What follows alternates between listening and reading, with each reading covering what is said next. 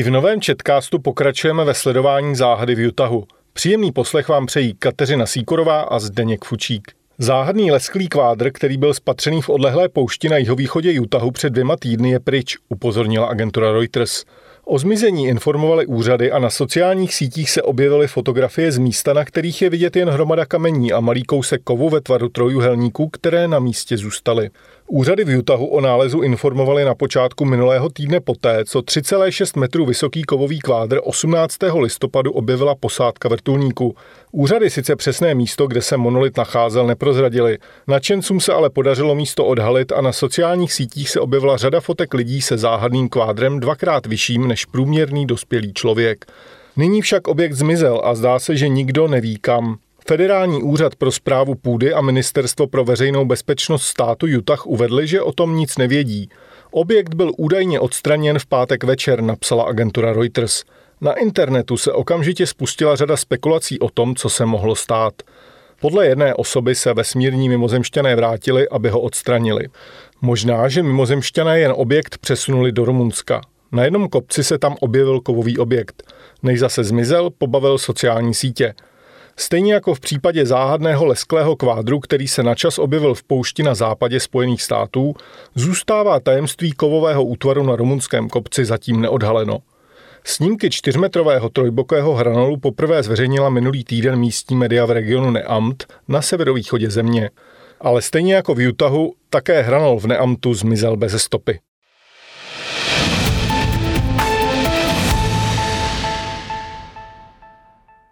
I v Bavorsku sochy mizejí a pak se zase objevují. Německá policie na začátku týdne začala vyšetřovat zmizení dřevěné sochy penisu z vrcholku Bavorských hor. Falická socha měřící 2 metry zmizela během víkendu z hory Grunten v nadmořské výšce 1738 metrů. Dřevěná socha nezvyklých tvarů v Algavských Alpách si vysloužila pozornost veřejnosti, když nejprve upadla, pak byla opět vstyčena a nakonec ji někdo tento týden ukradl. Sochu nejspíš někdo odřízl na místě místě se našly piliny. Policie však neví, zda se jedná o trestný čin, protože záhadou je také autorství sochy a fakt, jak se na místo dostala. Socha se na vrcholu hory jihozápadně od Mnichova objevila před čtyřmi nebo pěti lety a lákala k návštěvě mnohé turisty. Mapy Google označily místo jako kulturní památku. Příběh má ale šťastný konec. Jen několik dní po zmizení původní sochy penisu se na vrcholu hory objevila její nová verze. Dřevěná socha je nepatrně vyšší a podpírají ji dřevěné kůly. Videokamery z nedalekého lyžařského střediska zaznamenaly pohyb, ale ze záběrů není jasné, kdo sochu na místo dopravil.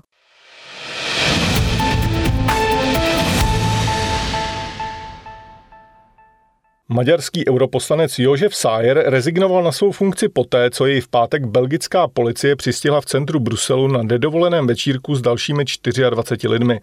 Podle belgických médií šlo o sexuální orgie. Člen vládnoucí konzervativní strany Fides nejprve svou nedělní rezignaci vysvětloval dlouhým obdobím reflexe. Když ale vyšlo najevo, že se ze zmíněného večírku pokusil před policejní kontrolou prchnout oknem, přiznal svou účast. K typu zábavy se ale nevyjádřil, napsala agentura AP. Policie v pátek podle médií rozehnala večírek se sexuálními orgiemi v bytě nad kavárnou v centru Bruselu. Kromě europoslance Sajera mezi nimi bylo i několik diplomatů. Policisty na párty upozornili sousedé kvůli hluku a možnému porušování restrikcí přijatých kvůli šíření koronaviru.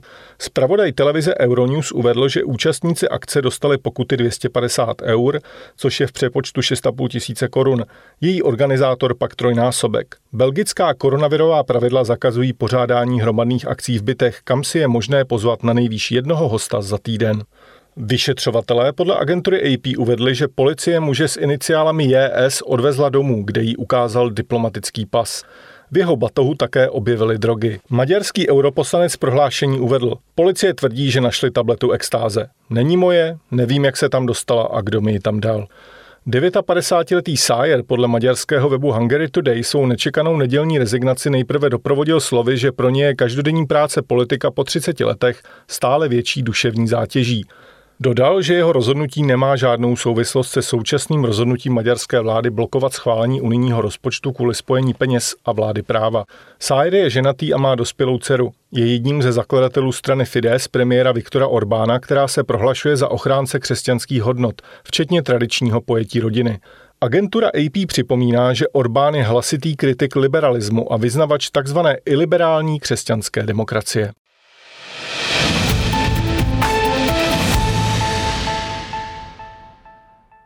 Na své chování by si měl dát pozor nově zvolený politik Adolf Hitler. Namiběc jménem Adolf Hitler Unona dostal v místních volbách 85% hlasů a zajistil si tak křeslo v místní radě regionu Ošana. V Namibii, která byla do roku 1920 co by německá jihozápadní Afrika německou kolonií, nese dodnes mnoho míst a ulic německé názvy. Jak napsal časopis Newsweek, politik dává přednost jménu Adolf Unona. Kandidoval jako Adolf H. Unona a na oficiální změnu jména je podle něj už pozdě, protože Adolfe mu říká i jeho žena. Všechny ujišťuje, že o ovládnutí světa zájem nemá. Jméno potom muži mi dal otec. Zřejmě nepochopil, oč Hitlerovi šlo. Když jsem byl dítě, považoval jsem to za naprosto normální jméno. Že si chtěl Hitler podmanit celý svět, jsem pochopil až jako dospívající. To, že se tak jmenuji, neznamená, že si chci podmanit Ošanu, ani že toužím ovládnout svět, řekl Unona v rozhovoru s německým Bildem. Ve volbách kandidoval Unona za lidovou organizaci Jihozápadní Afriky Namíbie, která dominuje namibijské politice. Členem oblastní rady byl už několik let a loni chválil jednu místní cementárnu za to, že investovala přes milion dolarů na vyslání svých zaměstnanců na školení do Německa.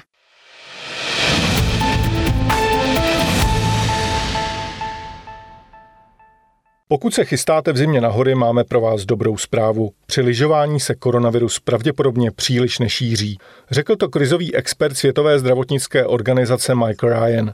Obavy ale vyvolává přesun lidí do lyžařských areálů a zpět v prostředcích hromadné dopravy a zhlukování rekreantů. Soudím, že se lidé nenakazí tím, že se řítí na lyžích po svazích. Skutečné problémy se vyskytnou na letištích, v turistických autobusech, které převážejí lidi do lyžařských rezortů a zpět, na vlecích a na místech, kde se lidé scházejí. Měli bychom všem zemím doporučit, aby popřemýšleli nad svými lyžařskými sezónami a dalšími příležitostmi hromadného srocování, řekl Brian na briefingu Světové zdravotnické organizace. Ta už dříve uvedla, že koronavirus se mnohem obtížněji šíří ve venkovním prostředí na čerstvém vzduchu. Zvlášť riskantní podle ní může být spolčování rekreantů po lyžování ve vnitřních prostorech. Ryan zdůraznil, že než aby vlády opatřeními cílily na konkrétní druhy sportů, měly by raději popřemýšlet, jak nejlépe omezit kontakt mezi lidmi. Problémem, kterému je třeba věnovat pozornost, je jakákoliv aktivita, které se účastní velké množství lidí, kteří se přesouvají do koncentrovaného prostoru a používají veřejnou dopravu, aby se dostali tam a zpátky. Počátkem tohoto roku se některé lyžařské areály ve Francii, Itálii a Rakousku staly ohnisky nákazy, odkud se COVID-19 šířil kontinentem.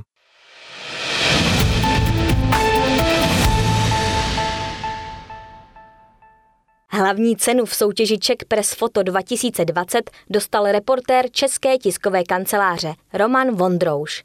Mezi pěti tisíci fotografiemi uspěl se snímkem muže procházejícího dezinfekční branou, která byla instalována jako opatření proti šíření koronaviru. Vondrouš za snímek dostal i první místo v kategorii reportáž. Roman Vondrouš na vítězné fotografii zachytil jednoho z účastníků Národního průmyslového samitu, který se konal v září v Praze v Betlémské kapli.